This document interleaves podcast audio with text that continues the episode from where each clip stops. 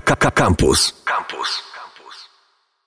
Elo, elo, elo, elo. Zaczynamy kronikę wypadków filmowych.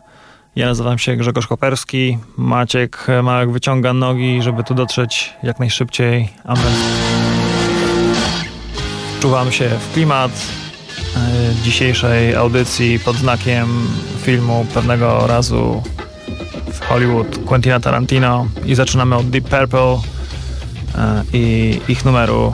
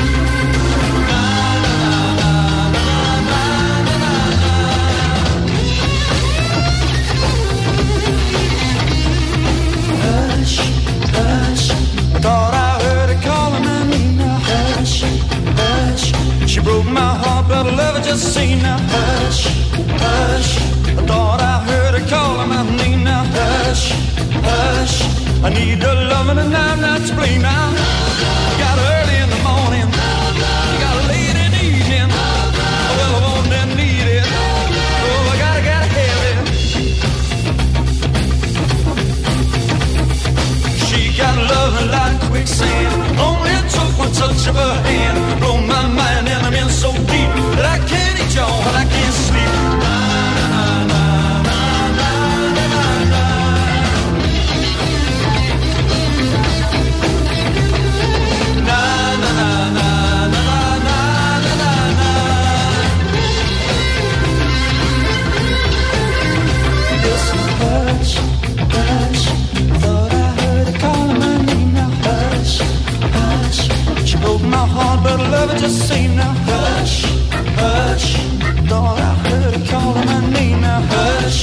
hush. I need a loving and I'm not to blame now.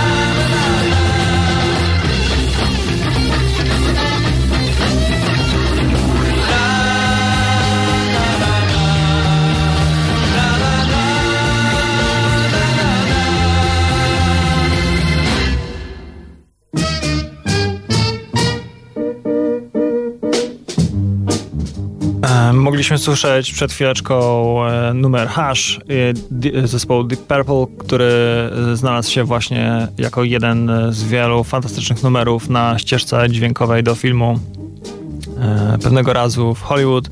Once Upon a Time in Hollywood Quentina Tarantino, o którym dzisiaj w kronice wypadków filmowych myślę, że będzie bardzo, bardzo dużo.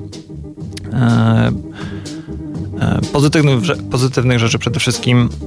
Byliśmy w zeszłym tygodniu z Maćkiem w kinie i to, co wiem, że mnie zaczarowało totalnie, to po raz kolejny fantastyczna ścieżka dźwiękowa, złożona z samych numerów z okresu z, lat 60.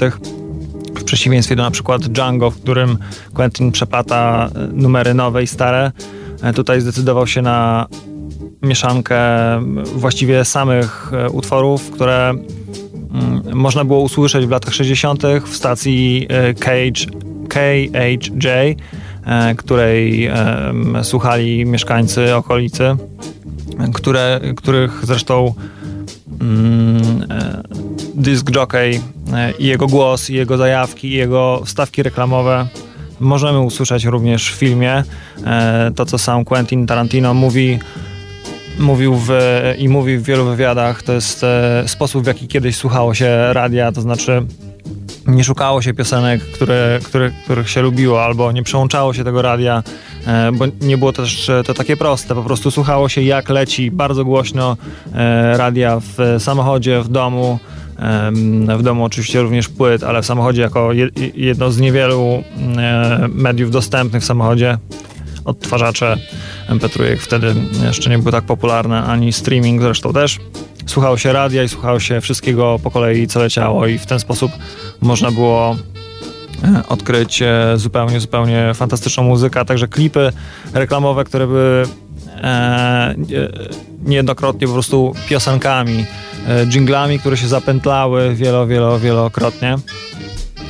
E, więc e, posłuchamy dzisiaj sobie też e, trochę, trochę tej muzyki. Postaram się z Maćkiem, kiedy tu już dotrze, może nie zagadać tak totalnie tej audycji w tym, w tym tygodniu. I zaskakująco, z mojej perspektywy, zaskakująco mm, nowocześnie brzmią niektóre te utwory, których wcześniej nie znałem, a, a, które, a, a, które usłyszałem z ekranu i może to dziwnie brzmi, ale e, to, że się dowiedziałem, że te utwory wszystkie, wszystkie jak leci są z lat 60. było dla mnie sporą niespodzianką i właśnie teraz posłuchamy sobie takiego utworu e, Rambling Gambling Man e, Bob Seger, teraz już wiem, że to jest mm, artysta totalnie z tamtego czasu, ale no, może niekoniecznie było to takie oczywiste dla mnie wtedy, kiedy to oglądałem. Posłuchajmy Rambling Gambling Man, Bob Seger ze ścieżki dźwiękowej do filmu mm, Once Upon a Time in Hollywood.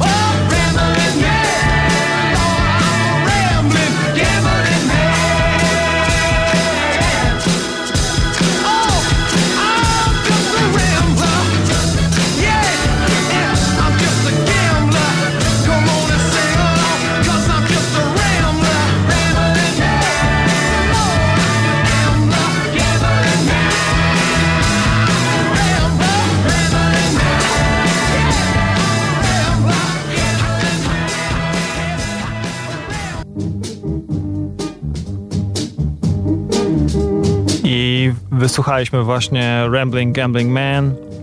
E, fantastyczny też utwór. Możecie się dziwić troszeczkę, że e, mogło mi się wydawać, że nie jest to, nie, nie jest to utwór z, z lat 60., ale takie po prostu, takie mam odczucie, taki, taki jest feeling tego utworu.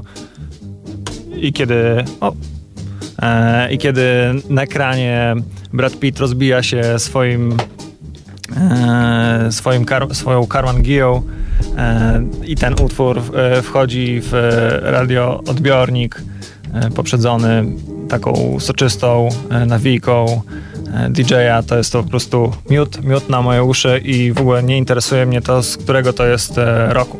A któż to zawitał do nas do studia? Witam serdecznie wszystkich. Koper widzę już zrobił odpowiednie e, przygotowanie, fundament pod dzisiejszy program, bo dzisiaj głównie Tarantino, nie wiem, tak dwa tygodnie minęły już od premiery, więc mm, może to jest też dobra okazja, żebyście się z nami podzielili swoimi e, wrażeniami i przemyśleniami, bo to jest chyba najbardziej mm, dzielący film Quentina Tarantino od lat. Co? 8, serio ci mówię, ja dużo bardzo rozmów przeprowadziłem Film ten w tym dzieli tygodniu. ludzi na znających się na kinie i nie znających się na kinie. Właśnie, to ja bym ci powiedział, że e, obie te strony uważają, że się właśnie znają na kinie i dlatego one mają rację.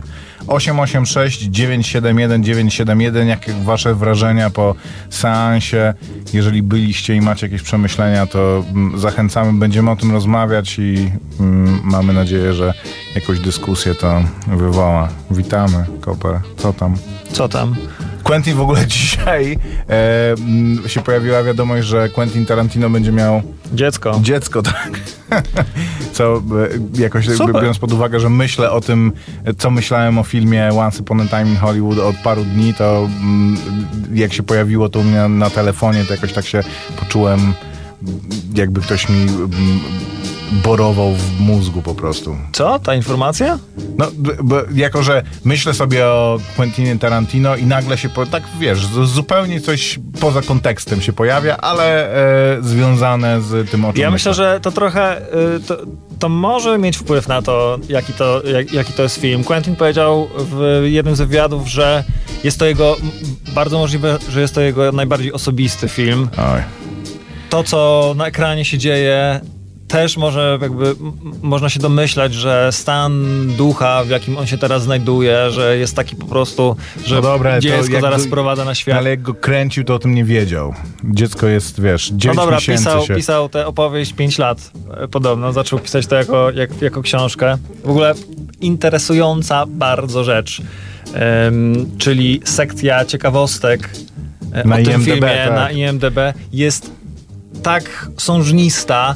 E, Można w to wsią- wsiąknąć i oglądać to e, i czytać to godzinami. No, biorąc pod uwagę, że jest czytania na 10 minut pewnie, to mm, bez przesady, ale tak jest. Ale ja Dużo odkrywam e, ciekawostkę za ciekawostką, czyli jakby cieka- meta ciekawostki w tych ciekawostkach się znajdują. Na przykład, na przykład taka, że w filmie mm, główny bohater filmu, czyli Leonardo DiCaprio, który jest aktorem w filmie również, em, gra, jakby historia prowadzi nas do takiego miejsca, w którym widzimy, że Leo e, i jego, jego postać, Tim Dalton, gra w, film, w różnych filmach. No i jednym z tych filmów jest film włoskiego reżysera i ten reżyser jest tu pokazany, jest tam pokazany na plakacie e, jako, e, już mówię, Antonio Margheriti.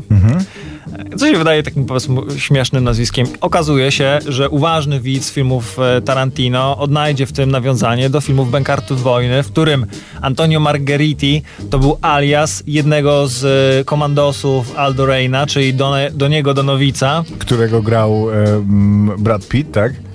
Nie, Dony Donowic to był jego... To, Aha, to okej. znaczy tak, no tam w filmie Bękarty Wojny grał... Oczywiście grał Brad Pitt, ale mm, grał Aldo Reina, e, Mhm. szefa komandosów, szef, szefa takiego oddziału, powiedzmy, e, do zadań specjalnych, a jednym, jedne, je, je- jedną z ich akcji było wbicie się mm, e, do kina pod, m, właśnie pod e, tak personaliami włoskich filmowców, Mhm. ponieważ nie znali niemieckiego, I przedstawił się jako Antonio Margheriti, tak? tak, Margheriti. I to był właśnie Antonio Margheriti. E, więc takie, takie ciekawe smaczki, a to jest jeden, po prostu tylko jeden z ze, ze smaczków, a To z tych smaczków, jeszcze łącząc sprawy z tego tygodnia, ten sam aktor gra Charlesa Mansona, Tak. Charlesa Mansona w pewnego razu w Hollywood i W w Mindhunterze, Mindhunter. tak, w, dru- w drugim sezonie, który miał premierę w tym tygodniu, który jest jakoś Netflix ostatnio ma szczęście do... zdążyłeś... Nie, e, ale ma, ma szczęście do kontynuacji takich sobie seriali, bo pierwszy sezon O. Mindhunter był taki sobie, e, Dark też był spoko, ale e, drugi jest podobno Mindhunter to, był, to jest historia powstania w FBI, komórki, Tak, y, psycho- która się zajmuje analizą, profilerami. tak, y, psycholo- tworzeniem profili psychologicznych seryjnych morderców i zresztą w pierwszym sezonie tego serialu widzimy historię, jak ukuto w ogóle pojęcie seryjnego mordercy, bo możecie nam To wierzyć ty lub nie. widziałeś w takim razie ten drugi sezon już? Nie. Okej. Ale No to, to też nie będziemy o nim rozmawiać w tym tygodniu. Wtedy też w, to, w latach 60., Mhm. kiedy, kiedy ktoś e, popełniał przestępstwo, to trudno było ludziom uwierzyć, że mógł być na tyle zwyrodnialcem, że popełnił je nie raz, lecz dwa, trzy, cztery według tego samego motywu. Więc e, wtedy tam agenci FBI i policjanci byli zaskoczeni i dla nich to była zupełna nowość. Natomiast czy to był taki e, straszny serial? Nie wiem. Wydaje mi się, że ciekawy Nie, nie o był tyle. straszny, To tylko- David Fincher odpowiada za, e, za, no za okej, ten serial. to wiesz, no, David Fincher też odpowiadał rolę- za... rolę miał em, też ciekawą, moim House zdaniem. of Cards. Bo, No. bo chciał pokazać fascynującą historię, ale też nie uszył laurki FBI, bo trudno też uszyć laurkę To, to FBI. nie chodzi o to. Ten, ten serial mm, zupełnie mnie nie wzruszył. To znaczy, oglądałem go do pewnego momentu i był takim po prostu inaczej. Mam wrażenie, że em, przedstawianie to, co było solą tego serialu i co miało być em, tym jego wyróżnikiem i tym takim najbardziej memicznym elementem, tym, co będzie, wiesz, na YouTubie wycinane i że ludzie będą to, co zresztą się pojawia, że są tam em, prawdziwy Charles Bukowski, a e, Charles Bukowski z e, serialu Mindhunter. Te ich przesłuchania i to, że aktorzy odgrywają znanych mm, seryjnych morderców, jakby dla mnie to nie, nie wzruszało mnie jakoś. To, że aktor e, starał się... Nie, to w ogóle to miało być solą tego serialu. mam Moim wrażenie- zdaniem, mam że wrażenie, że to miało być tego serialu ma być to, żeby żeby mm, e, e, można było się zmierzyć z tym, e, z czym zmagał się też jeden z głównych bohaterów, czyli czy można być zafascynowanym postacią seryjnego mordercy, czy można go próbować zrozumieć i właśnie z tych dwóch agentów jeden wpada w taką pułapkę też, w taką gorączkę, że wydaje, się, wydaje mu się, że złapał Pana Boga za nogi, bo odkrył jakiś, e, jakiś motyw, dzięki któremu on uważa, że dokonuje przełomu na skalę światową, że zbawi świat, ale przez to jest wciąg, wciągany e, w pułapkę przez ludzi, których przesłuchuje, bo przesłuchuje ich z taką fascynacją, że im się zaczyna to podobać. Wszyscy patrzą na to mocno krzywo, łącznie z jego partnerem, łącznie z taką, z, z panią doktor, e, e, psycholog, którą e, wciągają do ekipy. No tak, ale ukoronowaniem tego są te sceny, gdzie oni rozmawiają z tymi seryjnymi mordercami, którzy są prawdziwymi seryjnymi mordercami, których odtwarzają aktorzy, którzy są a- ucharakteryzowani i są nauczeni, żeby tak grać, żeby byli jak Jak najbardziej wyobrażasz upiorni i podobni. aktora, A który poza tym ma e, odtwarzać rolę ta, e, także, także, że to jest aktor... istniejącego, czło- Także istniejącego to, człowieka. także to jest aktor i w ogóle nie przypomina tego człowieka, gra po prostu rolę Co? w filmie. Oczywiście. No, e, to zaraz ci przypomnę, jak rozmawialiśmy podobny? na temat serialu OJ, e, no. o OJ-u, w Co, którym I tam mówiłem, że o, jest podobny sędzia został wykastingowany e, w, te, w taki sposób, że jest identyczny. Do... No i? I mówię, że to jest super w ogóle. ale to była, ja nawet nie nazwę tego trzecioplanową rolą, epizodyczna rola, za to OJ'a grał Cuba Gooding Jr., który jest kompletnie niepodobny i który sobie z tym właśnie o to chodzi, że poradził sobie z tym No doskonale. ale, bo ale na- nawet prokurator, pani prokurator, przepraszam miała, bardzo, miała mogli prawie, jej w ogóle... Miała prawie tą samą fryzurę. Mogli jej nie robić, ale dlaczego zrobili jej taką samą fryzurę, Maciek? To w ogóle nie ma znaczenia. Moim problemem Powinieneś z... targnąć na pani i powiedzieć, bądź swoją osobą. Tak, Karen. gdybym był na tym, gdybym był na tym planie, tak bym dokładnie zrobił, Mhm. ale w Mindhunterze też mi się nie podobało to, że każdy odcinek, poza tym, że był właśnie jakąś sceną z tymi mordercami znanymi, to był e, też jakoś takim Monster of the Week X-Filesowym po prostu, że w każdym odcinku też musieli rozwiązać jakieś, że jechali szkolić e, agentów FBI i tam się wydarzyło jakieś nietypowe, dziwne morderstwo, które oni przy okazji rozwiązywali. Mniejsza z tym. No E, Maciek, ale tak było. jak troszkę. Nie, on, ten koleś jest jakoś kompozytową ludzie, ale- postacią. no to on, on nie jest oparty na jakimś konkretnym typie. Każdy z nich jest oparty na konkretnej postaci. Ale no, On? poza tym głównym, który jest właśnie jakoś kompozytową Nie, główny, postacią, to główna znaczy jest postać, jakiś tam postać paru... je- jego partnera, który ukuł termin e, seryjny morderca, No. postać pani doktor, która również e, istnieje i wszyscy seryjni mordercy też żyli w tym samym czasie, co Dobra, oni. ty, przepraszam, to był świetny serial i drugi sezon też jest świetny. No nie masz wiem, to na przykład y, skoro aktor ma nie upodabniać się do granej przez, Nie, no lepiej, przez siebie a postaci, propos Leonardo DiCaprio, lepiej zrobić jak w tym, jak w Hooverze, po prostu ubrać go w taki, taki to już, jest, to już jest inna rzecz. O. To już jest inna rzecz. Niech młody aktor nie gra starego aktora, bo jest mnóstwo jakby dojrzałych aktorów, którzy zagradzo, zagrają to świetnie. Dlaczego mamy charakteryzować na przykład y, Roberta nie? Downey Jr. jako y, Michael Cera niech zagra J. Edgara Hoovera. Skoro Dlaczego nie? jest, y, nie wiem, jeszcze ży, żyją wspaniali aktorzy, chociażby Clint Eastwood, który może zagrać najstarszego z ludzi. Matuzalema. E, i, i, a dlaczego na przykład Margot Robbie miała kontakty brązowe, żeby upodobnić się do Sharon Tate?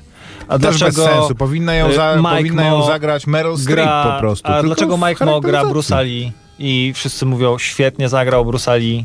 W ogóle ciekawa... Powinni, to była szansa na to, żeby Bruce Lee powrócił i powiedział, nadal żyję, popatrzcie, jestem, gram i... Mm, W ogóle jakiś To by czas było temu, e, znowu zaczynamy mówić o dawno temu w Hollywood, jakiś czas temu mówiliśmy, że są kontrowersje wobec, wobec właśnie portretu Tak, Bruce'a tak. Lee w filmie, e, który rzekomo mm, nie ma szacunku do M- Muhammada Aliego. aha, okej. do, no, mhm. e, on mówi, W ogóle te, to jego przedstawienie, to że wydaje mi jest się, że takim, nie, wiesz, nie jest aż tak. Oczywiście widać, można, można czuć e, antypatię, można, można czuć e, trochę niesmak, kiedy się ogląda e, Bruce'a Lee w tym filmie, szczególnie kiedy razem na ekranie jest przesympatyczny e, Tak, to, to chodzi, no Brad masz Pitt. jedną z głównych postaci skonfrontowaną z jakimś kogucikiem, który po prostu e, w wolnej Ale chwili, on ale tam koper, do oddaje szacunek, mówi, mówi swoim, powiedzmy, uczniom i ludzie, ludziom, którzy go słuchają, żeby zwr- zwrócili uwagę na, na Cassiusa Claya, bo on się tak jeszcze wtedy o nim e, wypowiada, bo on wtedy jeszcze nie zmienił nie, przeszedł na, nie przeszedł na islam. Dobra, Koper, posłuchajmy muzyki, bo jak wchodziłem 10 minut temu, to chyba coś próbowałeś zapowiedzieć, więc posłuchajmy muzyki i za chwilę Próbowałem, dokładnie. porozmawiamy o e, nowym filmie Quentina Tarantino. 886 971 971. Jeżeli byliście i albo wam się bardzo nie podobało, albo wam się bardzo podobało, to e, podzielcie się tym e, z nami. A my zaczynamy i witamy się do godziny 8 Kronika Wypadków Filmowych. Maciek Małek. Ja już cię przedstawiałem, a Grzegorz Koperski Dzięki, również. Koper. Przepraszamy, pociąg został na jakiś czas zatrzymany. Mamy nadzieję, że ma...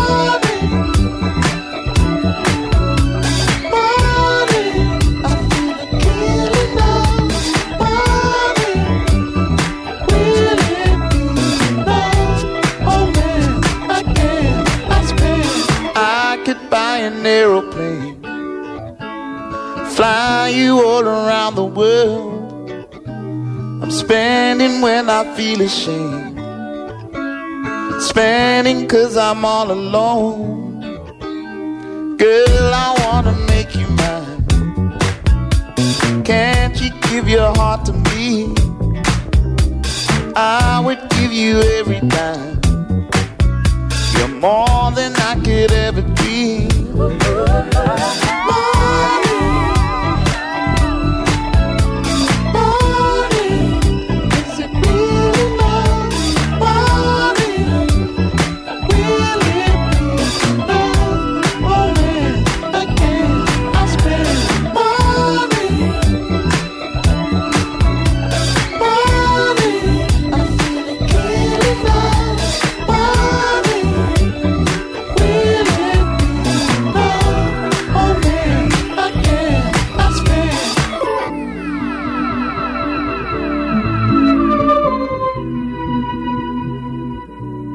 Gentlemen, the beat goes on. KHJ Los Angeles. 331 in Los Angeles. This is the real dance Steve. I know that I stand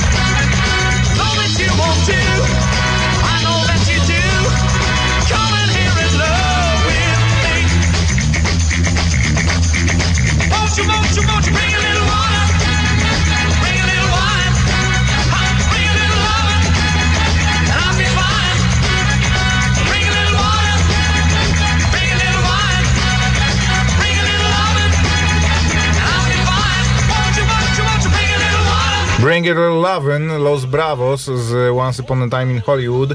E, I o nim zaraz w takim razie. Jeszcze tutaj speaker właśnie. Wspomniany speaker. Em, ja byliśmy na tym filmie w poniedziałek. Dziś jest czwartek, więc jak sama nazwa dnia wskazuje, miałem cztery dni, żeby mm, się przegryźć i, i, zastanowić w ogóle. e, co- Zastanawiałeś się? d- dużo nawet przeczytałem esej stary w tym czasie, tak. Więc e, i to przeczytałem esej i to nie esej o tym filmie, tylko taki, który podobno tłumaczy em, zamysł tego filmu. Więc mam Ale dużo... no, nie będziemy tłumaczyć zamysłu tego filmu, bo to oznaczałoby ma massive spoilers, man. Nie, ale zamysł e, tego, co b- w takim razie rozpoczynając recenzję, r, rozmawiałem i słucha, rozmawiałem z wieloma osobami i zasadniczo większa część moich znajomych, którzy ten film widzieli, uważa, że jest to jeden z najgorszych filmów Quentina Tarantino. Ale masz- E, Słuchałem podcastów i czytałem recenzje i zasadniczo większość ludzi uważa, że jest to ich najmniej ulubiony film Quentina Tarantino, ale bo jest to przynajmniej jeden z mniej znaczących filmów Quentina Tarantino. Z czym e, jak kłóciło się to we mnie wewnętrznie. Jak wróciłem z tego filmu, byłem absolutnie owładnięty tym, co, co obejrzałem. E, wróciłem z niego i obejrzałem tego samego dnia jeszcze Zjawę Leonardo DiCaprio. To jest jakoś- ostatni film Leonarda DiCaprio, czyli 5 lat chyba minęło, odkąd Leo pracował na planie pełnometrażowej produkcji. Tak, to y, no nie 5 lat. Mm, Cztery. on- Nie, chyba dwa, bo to jest z 2016. Mam wrażenie, że w 2016 roku dostał e, Leonardo DiCaprio Oscara za zjawę dwa lata temu, albo może trzy lata temu. 2015. Okej, czyli 4 lata temu. No dobra, to przepraszam w takim razie, masz rację. Em, ale a propos Leonardo DiCaprio, zaczynając po, Albo coś w ogóle, nie, to chyba nie jest prawda. W ogóle, no dobra, może odkąd wygrał swoją pierwszą nagrodę?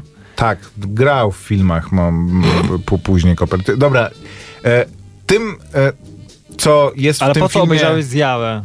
Co to ma Bo wspólnego? chciałem zostać, wiesz, chciałem zostać jakoś... e, Bo To moim trzeba zdaniem... zobaczyć sobie Django, albo, Nie, to ja, ja nie, nie, nie lubię tak bardzo Django, żeby do niego siadać. Niedawno go zresztą widziałem. albo Under ale the Silver Lake. Mam, właśnie o to chodzi, tak, że to jest inna sprawa, ale Koper, nie, nie Co tym psuj Dja- no? e, czystości wywodu, bo e, tym, co e, dla tego filmu jest czymś takim, e, jeżeli ktoś się zastanawia, słysząc opinie znajomych albo recenzje, że no, to jest mm, e, najmniej, ko- na, na, najmniej znaczący, Nie czy, mogę słuchać takich opinii, bo boli mnie serce. E, to tym, co w tym filmie jest warte zobaczenia go w kinie, są kreacje aktorskie. Quentin Tarantino jest fantastycznym reżyserem aktorów i ja oglądając Inglourious Basterds bardzo żałowałem, że tak mało jest e, Brada Pitta w, w tym filmie, bo on go reżyserował rzeczywiście świetnie. Oni są przyjaciółmi i rozumieje się w tym doskonale i Brad Pitt rzeczywiście czując się swobodnie i mogąc grać nie Brada Pitta po prostu e, twardego gościa i gwiazdę kina, e, grał rzeczywiście zupełnie inaczej, pokazywał zupełnie inną stronę swoich możliwości niż w innych filmach, gdzie gra po prostu gwiazdę filmową. E, tak tutaj to jest praktycznie e, zaraz po Leonardo DiCaprio Brad Pitt jest głównym bohaterem tego filmu i jedną z centralnych postaci i a Leonardo DiCaprio absolutnie jest taka, jak wracałem do domu z tego filmu, przypomniałem sobie, jest taka scena w filmie Nothing Hill. Kojarzysz?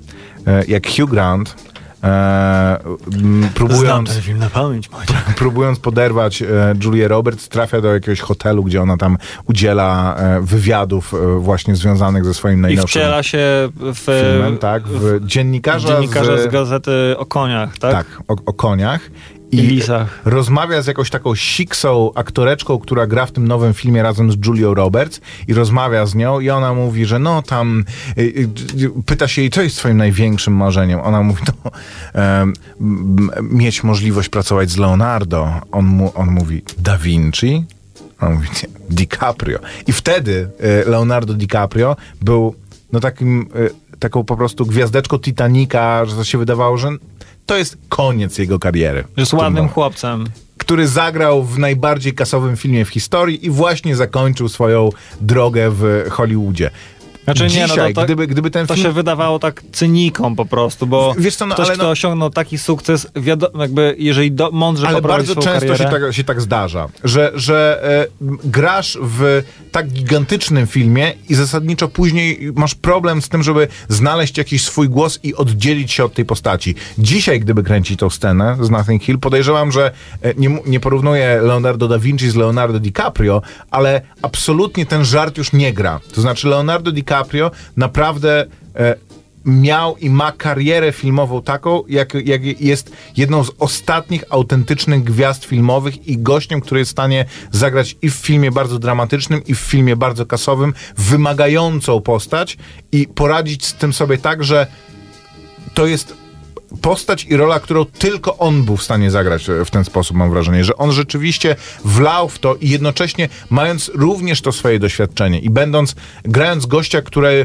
którego kariera właśnie minęła pewien szczyt i jest gdzieś... E, gdzieś za tym szczytem i on nie, nie do końca wie, jak się w ogóle w tym odnaleźć i jakie są kolejne kroki e, przed nim i co powinien zrobić i co, e, cze, czego od niego wymaga ta sytuacja, że, że, żeby zrobił, żeby znowu być na, na w siodle m, tym przysłowiowym tutaj do, dość adekwatnym, a nie e, degenerować się ciągle, jest absolutnie e, rolą, em, która jest warta zobaczenia, Więc- dla, dla, dla której ten w- film jest wart zobaczenia po prostu sam z siebie. Moim zdaniem ten film działa na tak wielu poziomach, że odrzuca, odrzucać go tak po prostu e, znaczy nie odnajdywać w nim wartości na żadnym z nich, czyli działa na, na, na takim poziomie, że po prostu jest dobrze napisany i przedstawia dobrą historię ludzi, o których możesz nic nie wiedzieć. Możesz nic nie wiedzieć o aktorach pokroju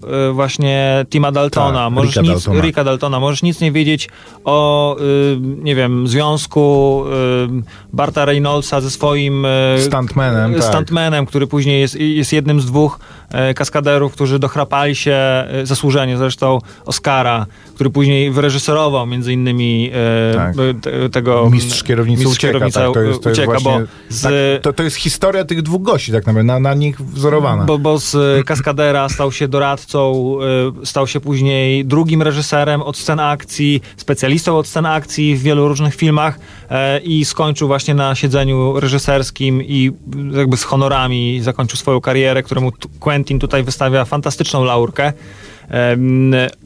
Poprzez, tak jak powiedziałeś, fantastyczne kreacje aktorskie. Leonardo, który gra momentami pewnego siebie aktora, momentami e, człowieka, który jąka się, gubi, e, Tak, to jest gubi linię, Te- te a kiedy drobne rzeczy, wchodzi w rolę zagrać. e, e, i zamiata, a jednocześnie wraca później do... Więc e, to jest to. To jest, e, to jest właśnie mnóstwo, mnóstwo e, fantastycznych rzeczy. Historie związane ze scenografią i z kostiumami. E, to jak Quentin pół miasta przemodelował tak, żeby wyglądało e, jak wtedy, kiedy jeździł z ojcem, z ojczymem ulicami, właśnie tymi samochodami i oglądał za, za szyby, co też możemy oglądać w pewnym momencie, kiedy kamera jest tak nisko i o, oglądamy Brada Pitta, jakby właśnie na drugim siedze- siedzeniu, e, na siedzeniu pasażera siedział chłopiec i oglądał właśnie ten, ten świat z zewnątrz. E, historia dosyć ciekawa. Producenci mieli podobno problem z przekonaniem właścicieli sklepów, żeby, e, żeby e, przemodelowali swoje, żeby pozwolili przemodelować swoje witryny e, tak jak e, wyglądały one w latach 60., a później po, po skończonym planie niektórzy z nich prosili, możemy zostawić to tak jak było, bo, bo, bo jest świetnie, Tak, bo ma- ma poczuli ten znowu klasyczny ducha. y, Hollywoodu. To jest ogromna laurka dla ówczesnego Hollywoodu i nie tego, który znamy z czerwonego dywanu, tylko właśnie z, ym, który się składa z pracy ludzi, z takiej mozolnej, codziennej pracy ludzi, aktorów, e, oświetleniowców, kaskaderów, którzy żyją w tym mieście, spotykają się oczywiście wielkich gwiazd, e, wschodzące gwiazdy e, mieszkają w, naj, w najdroższych e, No apartamentach i wiodą beztroskie życie. Tak, Leonardo e, DiCaprio, czyli e, em, Erika Daltona, którego kariera właśnie ma e, swoje perturbacje i Sharon Tate, która wschodzi w, Tak. w, w, w. Ale jeszcze jest e, skromną osobą, jeszcze jest e, osobą, która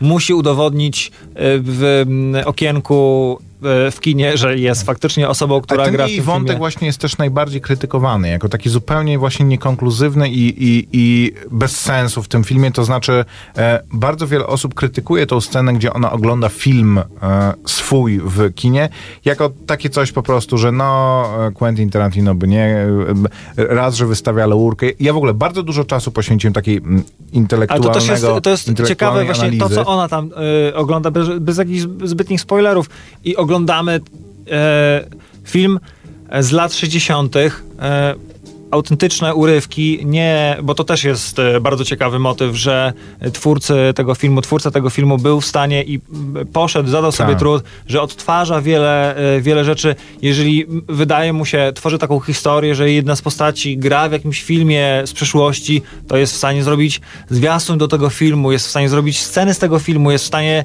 e, poświęcić dużo czasu na efekty specjalne, żeby wkleić czyjąś twarz jak w Forreście Gumpie, jest w stanie zatrudnić artystów, żeby przygotować plakaty pieczołowicie oddane, które się pojawią w, na ekranie przez ułamek sekundy. Podobno, podobno praca inspicjenta, w ogóle gościa, który odpowiada za e, szczegóły, za rekwizyty w filmie Quentina Tarantino, jest jedną z najbardziej w ogóle pożądanych e, prac w tym, w tym ponieważ Zaraz po wszystko- Andersonie pewnie. on, on wszystko robi, to znaczy nie, nie wykorzystuje, wiesz, są mm, tony e, rzeczy, które możesz po prostu wziąć do filmu jako rekwizyt albo kupić po prostu i wykorzystać. On, e, cały ten świat chce, żeby był rzeczywiście stworzony od podstaw. Jest tam- Cały ten, mm, wszystkie reklamowe ma, materiały, to co, to papierosy, które palą bohaterowie, ubrania, w które się e, ubierają, plakaty właśnie, wszystko co ich otacza ma być stworzone na potrzeby tego filmu, jest zadaniem właśnie Więc- kreatywnych ludzi z, z, z tego działu. Więc wracając do Sharon, kiedy siedzi i ogląda po prostu film, który, e, w którym zagrała, tak? w którym zagrała, który możecie sobie obejrzeć dzisiaj, The Wrecking Crew, w którym i oglądacie prawdziwe urywki i widać jak to jest zagrane, jak to się może wydawać dzisiaj archaiczne, e, jak scena walki jest tam zagrana, i on, a Quentin pokazuje na przykład ile pracy taka właśnie aktorka jak Sharon, e, nie wiem czy to dużo czy mało, ale jakby wkłada w to, żeby nagrać scenę walki, która trwa 3 sekundy i wygląda jak w zwolnionym tempie i co, albo i to, ona się cieszy i ludzie, jak widać jak ludzie wtedy y, mogli reagować na taką, Mhm. na taką scenę, on nam pokazuje. Właśnie za to powinniśmy kochać te filmy, bo one w swoim czasie były tak jak tak jak dziś dla nas są szybcy i wściekli, e, nie wiem, jakimś takim złotym e, standardem kina akcji. No, kinem tak popcornowym po prostu, takim czymś na, na co się, ona, ona idzie na to, co się nazywa Więc on chce nam, on czyli nas wpuszcza po prostu do, do swojego przed świata. południem no. grane filmy, takie, do, na które się po prostu idzie dla czystej rozrywki, zupełnie bez, e, bez jakichś pretensji. Ale Dowód, dowód na to jeszcze, że Quentin tak kocha to kino, e, kiedy Sharon ze swoją ekipą idzie do restauracji Mhm. e, i wchodząc e, rzucają, o spójrzcie tam na końcu ulicy jest e, kino, to jest kino, e, no, w sensie Z pornolami, tak. migają światła, czy mają tam premierę, czy w filmach, czy że, że jest to kino porno, to już powiedziałeś, że e, zastanawia się tam John Sebring, czy w kinach porno mają pre, oficjalne premiery, to jest kino, e, które faktycznie tam istnieje, które było kiedyś kinem pornograficznym, później zostało przejęte przez e, takiego ciekawego człowieka, e, który odkupił to kino i prowadził tam podwójne seanse, takie klasyczne double features. E, I kiedy zmarł, Quentin Tarantino kupił to kino i nadal pozwala rodzinie tego człowieka dobierać e, repertuar, tam nie wiem, tramwaj zwany pożądaniem, ale też takie grindhouse'owe rzeczy lecą. E, I powiedział, że póki żyje i póki jest bogaty, to kino będzie wyświetlać e, filmy. I jakby i urządził tam też specjalne pokazy pewnego razu w Hollywood, gdzie napakował lobby tymi wszystkimi rekwizytami. E, puścił przed filmem jeszcze taki specjalny segment, który prawdopodobnie jak wyjdzie DVD, wyjdzie Blu-ray, Też to się pojawi, tak, czyli wydłużone fragmenty serialu e, Bounty Law z właśnie z Leonardo DiCaprio, który tam się wciela w jakąś taką westernową... Tak się domyślałem. Jako, że to były e, elementy, które mi się najmniej w tym filmie podobały, to, że ten film jest wypchany absolutnie scenami, w których gra mm, postać głównego bohatera, aktora, który e, po, jesteśmy po prostu... on jest nam przedstawiony przez różne role, w których gra i fragmenty te, te, tego, w czym gra. Mam wrażenie, że Quentin Tarantino po prostu od tego zaczynał, że siadł i pisał te sceny takie, żeby one były właśnie takie i krwiste, i z epoki, żeby ten bohater był taki w tym e, no, pełen i że napisał ich tyle, że później nie był w stanie zdecydować, co z tego filmu wyrzucić, żeby te moje świetne sceny, które napisałem, takie po prostu małe etiutki, e, że, żeby mm, czego mam się pozbyć No i tak zostawię może tego być, bardzo tak dużo. może Ten być. film trwa dwie i pół godziny i jedyne, czego by można było się pozbyć, to części tych etiudek Widać, że właśnie. e, on jest nie tylko zakochany w Hollywoodzie, on jest zakochany w temacie tego filmu i w swoim filmie również.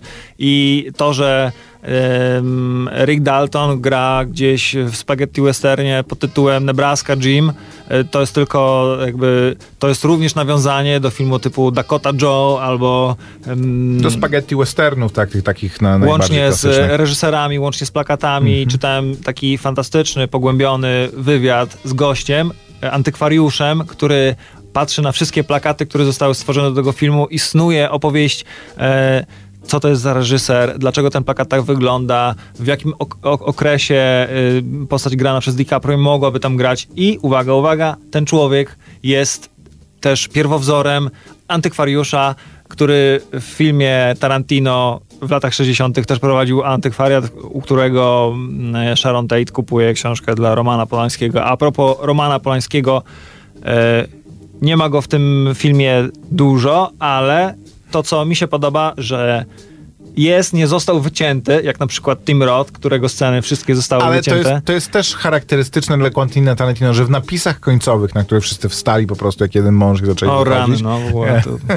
e, jest Tim Roth i w nawiasie jest napi- napisane e, cut, że znalazł się w napisach końcowych, ale e, i to w, nie w tych, które tam płyną przez pół godziny, tylko w tych takich po prostu wyskakujących Bo na jest ekran częścią po- paczki Quentina, Tak, więc tak, po tak, prostu tak. tak, jak e, w niektórych swoich scenariuszach Quentin e, w Didaskaliach, czy tam w pisze w scenariuszu, komu Mhm. dedykuje ten film, czy też e, zawiera listę dzieł, które trzeba zobaczyć e, i na Żeby przykład zrozumieć. Leonardo DiCaprio też dostał, e, dostał taką bibliotekę to, to, to musisz zobaczyć.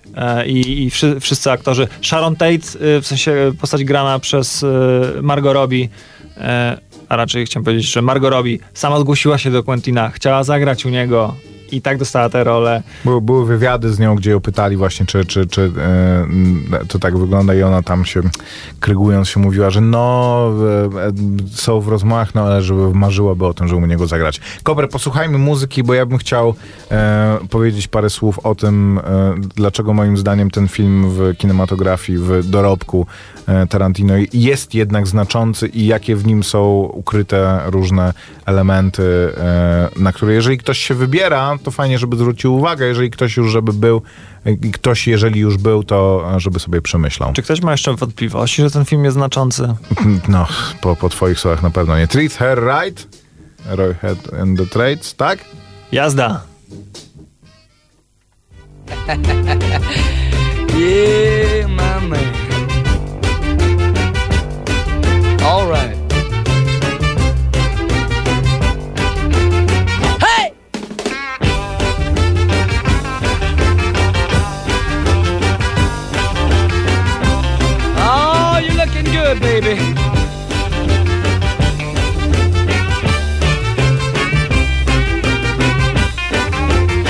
I want to tell you a story every man ought to know.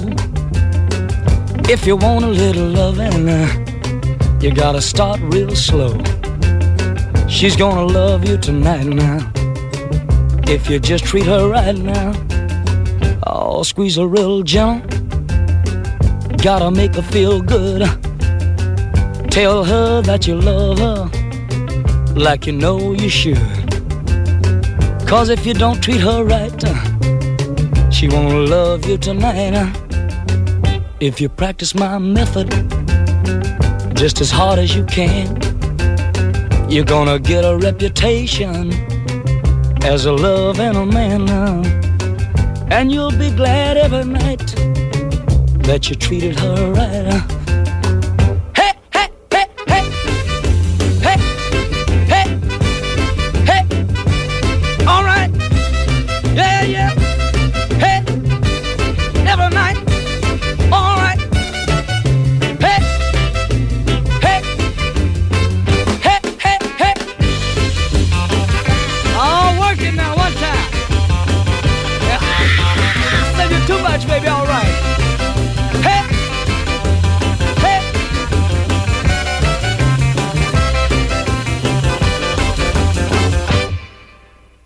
Do takich czasów właśnie nas przenosi film pewnego razu e, w Hollywood. Brudnych hipisów snujących się bez celu po czystych ulicach Los Angeles. I wspaniałych e, aktorów, którzy, których gwiazdy przygasają, bo jedyne co robili przez całe swoje życie to przeczesywali swoje e, nażelowane grzywy i nie zauważali jak mijają lata. Nie, nie zauważyli jak przyszli modni chłopcy w puszystych fryzurach i ciasnych jeansach i wygryźli ich z roboty. którzy e, dyszą wobec nich e, nienawiścią. I o tym w, w zasadzie to jest jedna z krytyk e, bardzo silnych te, tego filmu, że to jest film bardzo konserwatywny i e, marzący o tym, żeby ten konserwatywny świat panów, którzy po prostu e, biją panie z otwartej ręki, a panów innych z zamkniętej ręki, żeby on do dzisiaj trwał. Absolut, w ogóle. to Koper, jest- wstrzymaj się. E, du, dużo em, Ja bardzo zgadzam po prostu. O, o, o tym, o tym my, i myślałem i czytałem, e, gdyż e, je- jednym e, z, jedną z głównych rzeczy, które się mówi o tym filmie jest to, że e, właśnie jest to film najmniej znaczący i że w ogóle Quentin Tarantino powinien się zająć kręceniem kolejnego Pulp Fiction, a nie e, jakichś swoich fantazji, żegnania się z Hollywoodem. Nawet nie swojej młodości, ale jakichś po, swo, swoich po prostu lotów czy, czy, czy, czy wyobrażeń. E, i mi się wydaje, że po pierwsze jest to zupełnie nieusprawiedliwione i oczekiwanie, to jest tak jakby oczekiwać od Davida Finchera, żeby każdy jego kolejny film był kolejnym Fight Clubem. Albo Seven. No, A propos powiedzmy Brada sobie, Pitta. Seven było dobrym filmem, ale, e, ale mniej znaczącym niż Fight Club. To, to, bo to, to naprawdę tak jakby każdy kolejny em, film Davida Finchera, patrzeć na niego i mówić, musi wypromować e, gościa, który do niego napisał scenariusz, tak, że on się nagle stanie jednym z najbardziej poczytnych pisarzy e, na, na świecie, najbardziej cytowanym, po prostu ma zmienić zupełnie kulturę, że ludzie na spotkaniach biznesowych będzie, będą mówili, dobra, słuchajcie, spotykamy się, pierwsza zasada naszego spotkania, nie rozmawiamy o tym spotkaniu. E, więc je, jeżeli... Jest to re- bardzo po prostu e, naiwne przede wszystkim. naiwne, e, samolubne, żeby twój przede ukochany reżyser robił tylko filmy, w których e, John Travolta Mo- m- mam wrażenie, że jest to pójście, in, pewne intelektualne pójście na łatwiznę. Idzie to znaczy, to znaczy je, jeżeli się coś recenzuje, to e, bierze się dorobek jakiego, jakiegoś reżysera, patrzy się na to i mówi się, no czym on, e, jaki jest jego głos. Jeżeli reżyser ma jakiś głos, no to powinien ciągle mówić tym właśnie głosem, więc powinien ciągle się starać poprawić to, co zrobił najlepszego i co było najbardziej właśnie konsekwentnego i znaczącego w swojej, w swojej twórczości. Co wydaje mi się, że jest kompletnie bez sensu i mam wrażenie, że Quentina Tarantino właśnie siłą jest to, że on, wszystkie jego kolejne filmy były praktycznie czymś innym, ale jednocześnie mam wrażenie, że e, pewnego razu w Hollywood, które moim e, zdaniem jest beznadziejnie w ogóle przetłumaczone, ponieważ dawno temu w Hollywood e, przetłumaczenie tego może nie bardziej dosłowne, ale e, bardziej oddające to, o co Tak. chodziło w tym tytule, byłoby pewnie dla zwykłego widza by było bez sensu, bo dawno temu o co, o co w ogóle o, o co chodzi, ale byłoby lepiej by tłumaczyło, czym ten film, czym ten film jest i jaka była intencja reżysera. Maciek, szkoda czasu, żeby zastanawiać się, dlaczego ten film innym się nie podoba. Ja Ale bym nie, się skupił na tym, dlaczego on mi się podoba. To, to, to, ja, to ja ci powiem e, przede wszystkim, gdzie w nim jest głębia i moim zdaniem to jest najbliższy film Pulp Fiction ze wszystkich filmów, które nakręcił No e, oczywiście. Quentin Tarantino. Chociażby ze względu na wątki, na równoległe wątki, które e, się splatają. To raz, a momencie. dwa, że wszystkie inne jego filmy są o czymś, są o jakimś konkretnym e, wydarzeniu albo temacie. To znaczy, um, Inglourious Basterds jest o grupie żołnierzy, którzy e, wpadają do Niemiec, żeby w, wyrównać rachunki. Django jest o, jest o zemście. Hateful Eight jest o grupie gości, którzy, którzy próbują wydostać swoją koleżankę i, i o tych, którzy zostają wplątani w, w, te, w te wydarzenia. Jackie Brown jest o przekręcie, w który zostaje wciągnięta, mm, niezamierzająca się wychylać e, stewardessa. Pulp Fiction i pewnego razu w Hollywood są dwoma filmami Quentina Tarantino, które są po prostu jakimś wycinkiem rzeczywistości. I oba są wycinkiem rzeczywistości takiej zupełnie. e, Pulp Fiction jest mm, literaturą pulpową, a tutaj mamy e, taką po prostu historię. Mm, to się nazywa, tak? To jest tak naprawdę historia dwóch kumpli i ich sąsiadki. I Kojarzysz, ile? kojarzysz Trzy ten- dni z ich życia plus jeden? Trzy, trzy. Tak, A, trzy dni trzy. z, z, z, z, ich życia. I, i e, jest. To jest e, tak, że je, jest esej e, z przełomu dekad e, 60. i 70. XX wieku, który opowiada właśnie o em, końcu lat 60. w Hollywood i o tym, co morderstwo Sharon Tate i w ogóle morderstwo na terenie tamtej posiadłości zrobiło dla Hollywoodu. I, i jak zmienił się e, przemysł filmowy, ten najbardziej komercyjny w Ameryce, po tym, co się stało Sharon Tate i Romanowi Polańskiemu. Em, I wcześniej Hollywood to były takie właśnie lekkie, głupie komedyjki, e, jak ta, którą ogląda Sharon Tate w kinie, gdzie po prostu był znany mm, aktor, na którego rzucały się wszystkie kobiety i on miał przygody gdzieś na świecie albo w jakichś dziwnych okolicznościach i epickie dramaty historyczne. Albo westerny, albo... No i dziecko Rosemary. Ale dziecko, dziecko Rosemary właśnie było pierwiostnikiem tego, co się stało później. Że to były e, heroiczne filmy z II wojny światowej i westerny. Po morderstwie Sharon Tate Hollywood zdał sobie sprawę, że kompletnie stracił łączność z młodym pokoleniem. To, co pojawia się w tym filmie, że b- hipisi, którzy, którzy, którzy postanawiają e, b- Chcą się pod odegrać, urokiem, że całe tak, że życie oglądają w telewizji i to ich przemoc, nauczyło mordować. no, tak. tak. Że, zda, że Hollywood zdał sobie sprawę, że młodzi poszli w muzykę, że e, kino przestało oddziały, oddziaływać i przestało być e, kołem zamachowym kontrkultury, a stała się nim muzyka. Że filmy dopiero takie jak Bonnie i Clyde, czy najbardziej tak naprawdę Easy Rider, który jest teledyskiem tak naprawdę, do muzyki, której się wtedy au- autentycznie słuchało, wyznaczyło to, co się nazywa New Hollywood, czyli ten przełom lat 70., gdzie zupełnie, gdzie Hollywood zupełnie się zmieniło, zaczęło być bardziej in- introspekcyjne, zaczęło, zaczęło patrzeć w siebie, zaczęło być dużo bardziej kinem pewnego niepokoju i em, opowiadającym mm, historie niejednoznaczne, e, kończące się w sposób niejednoznaczny i to oznaczało, e, to sprawiło, początkiem tego, według eseju, który nazywa się White Album, e, jest em, autorstwa pani, która się nazywa Joan D. Dyer, o ile dobrze pamiętam, i który właśnie, ona między innymi rozmawia z Lindą Kazabian, która brała w, udział w e, morderstwach grupy, grupy Mansona, o tym, e, jaki był klimat tego przełomu kontrkultury i e, Los Angeles, które było takim tyglem właśnie i tym, od czego się ta masowa kultura zaczynała w, w świecie lat, e, końca lat 60. Mm, I, i co to, co się wydarzyło e, i, i co ma miejsce również w filmie e, Tarantino, znaczyło w ogóle dla, dla ówczesnej kultury. Jednocześnie w tym filmie jest bardzo dużo scen i bardzo mocno jest podkreślone, że e, życiem tych bohaterów, aktorów żyjących w Los Angeles jest tak naprawdę ciągłe czekanie. Że oni, i ta scena z Bruce'em Lee, gdzie oni po prostu czekając na to, aż ktoś przyjdzie i powie, dobra...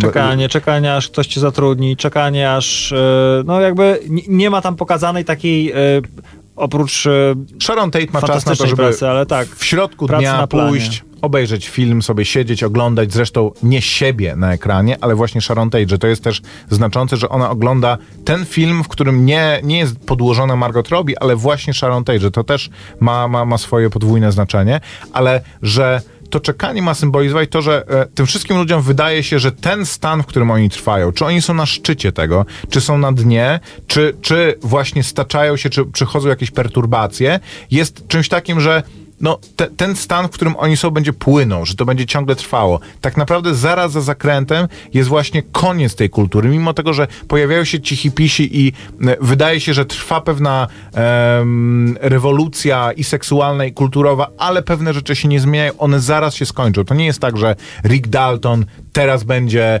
e, miał swoje problemy, ale teraz jego kariera znowu wystrzeli, ponieważ on się nagle znajdzie w zupełnej kulturowej próżni. Tak, to, Że- są, to są ostatnie dni tego e, Hollywood, które zapamiętał jako dziecko, e, e, jako dziecko Quentin, także I mam wrażenie, że to jest dla niego też ważne, ponieważ on jest też człowiekiem, który czegoś takiego dokonał. To znaczy Pulp Fiction było takim filmem, po którym już nigdy kino nie mogło być takie samo. Że no tak, ale to jest tak nabudowana, Maciek, metafora. Moim zdaniem wystarczy być po prostu wrażliwą osobą i, a nie e, takim bardzo płytkim gościem wymagającym e, szybkiej rozrywki, żeby oceniać ten film jakoś negatywnie. Wystarczy troszkę wrażliwości, żeby, żeby ten film sprawił dużo, dużo przyjemności. Jest jedna taka tam scenka, e, której ja na początku troszkę nie rozumiałem, dlaczego e, Brad Pitt tak uporczywie szuka pewnej postaci e, w pewnym momencie w tym, w tym filmie i cóż on ma takiego, jak, jaki ma on interes, żeby tam mm, zobaczyć pewnego starszego człowieka. Tego starszego człowieka miał grać Burt Reynolds, czyli No właśnie, bo Eee, Reynolds miał zagrać w tym filmie. czyli w e, Brad Pitt, który jest kaskaderem wzorowanym na prawdziwej postaci, który był kaskaderem Berta Reynoldsa, szuka Berta Reynoldsa w tym filmie, który nie mógł zagrać, ponieważ umarł. I jeszcze druga przykra rzecz. E, Luke Perry, Luke tak? Perry to był jego Okej. ostatni film. Oczywiście o, o, o tym nie mógł wiedzieć Tarantino, ale właśnie co on robi, to on próbuje zachować, zrobić zdjęcie tym czasom, zrobić, e, oddać hołd tym wszystkim aktorom, tym postaciom, e, jak najlepiej umie i to trzeba, to trzeba, to trzeba docenić. I ja sobie myślę, jakby wyglądał taki film e, w Polsce, jakich aktorów... Oglądaliśmy zwiastun filmu Polityka przed tym filmem i ja mam wrażenie, że te wszystkie żarty... Okej. mam wrażenie, że te wszystkie żarty o Patryku Wedze, które są na wykopie czy gdzieś, że kolejny film Patryka Wegi szkoła, że tam zamknij mm, i e, Kosz na przyjmij to. Właśnie o to chodzi, że, że to po prostu każdy kolejny film jest nowym środowiskiem z brzydkimi słowami i e, postaciami takimi bardzo wulgarnymi i pełnokrwistymi. To, e, że albo on się w to wczytał, albo naprawdę taka jest recepta, ktoś to rozszyfrował. To była kronika wypadków filmowych. E, dzięki i do usłyszenia. Pa! Pa! Campus, campus. Sztosy, sztosy. Same sztosy.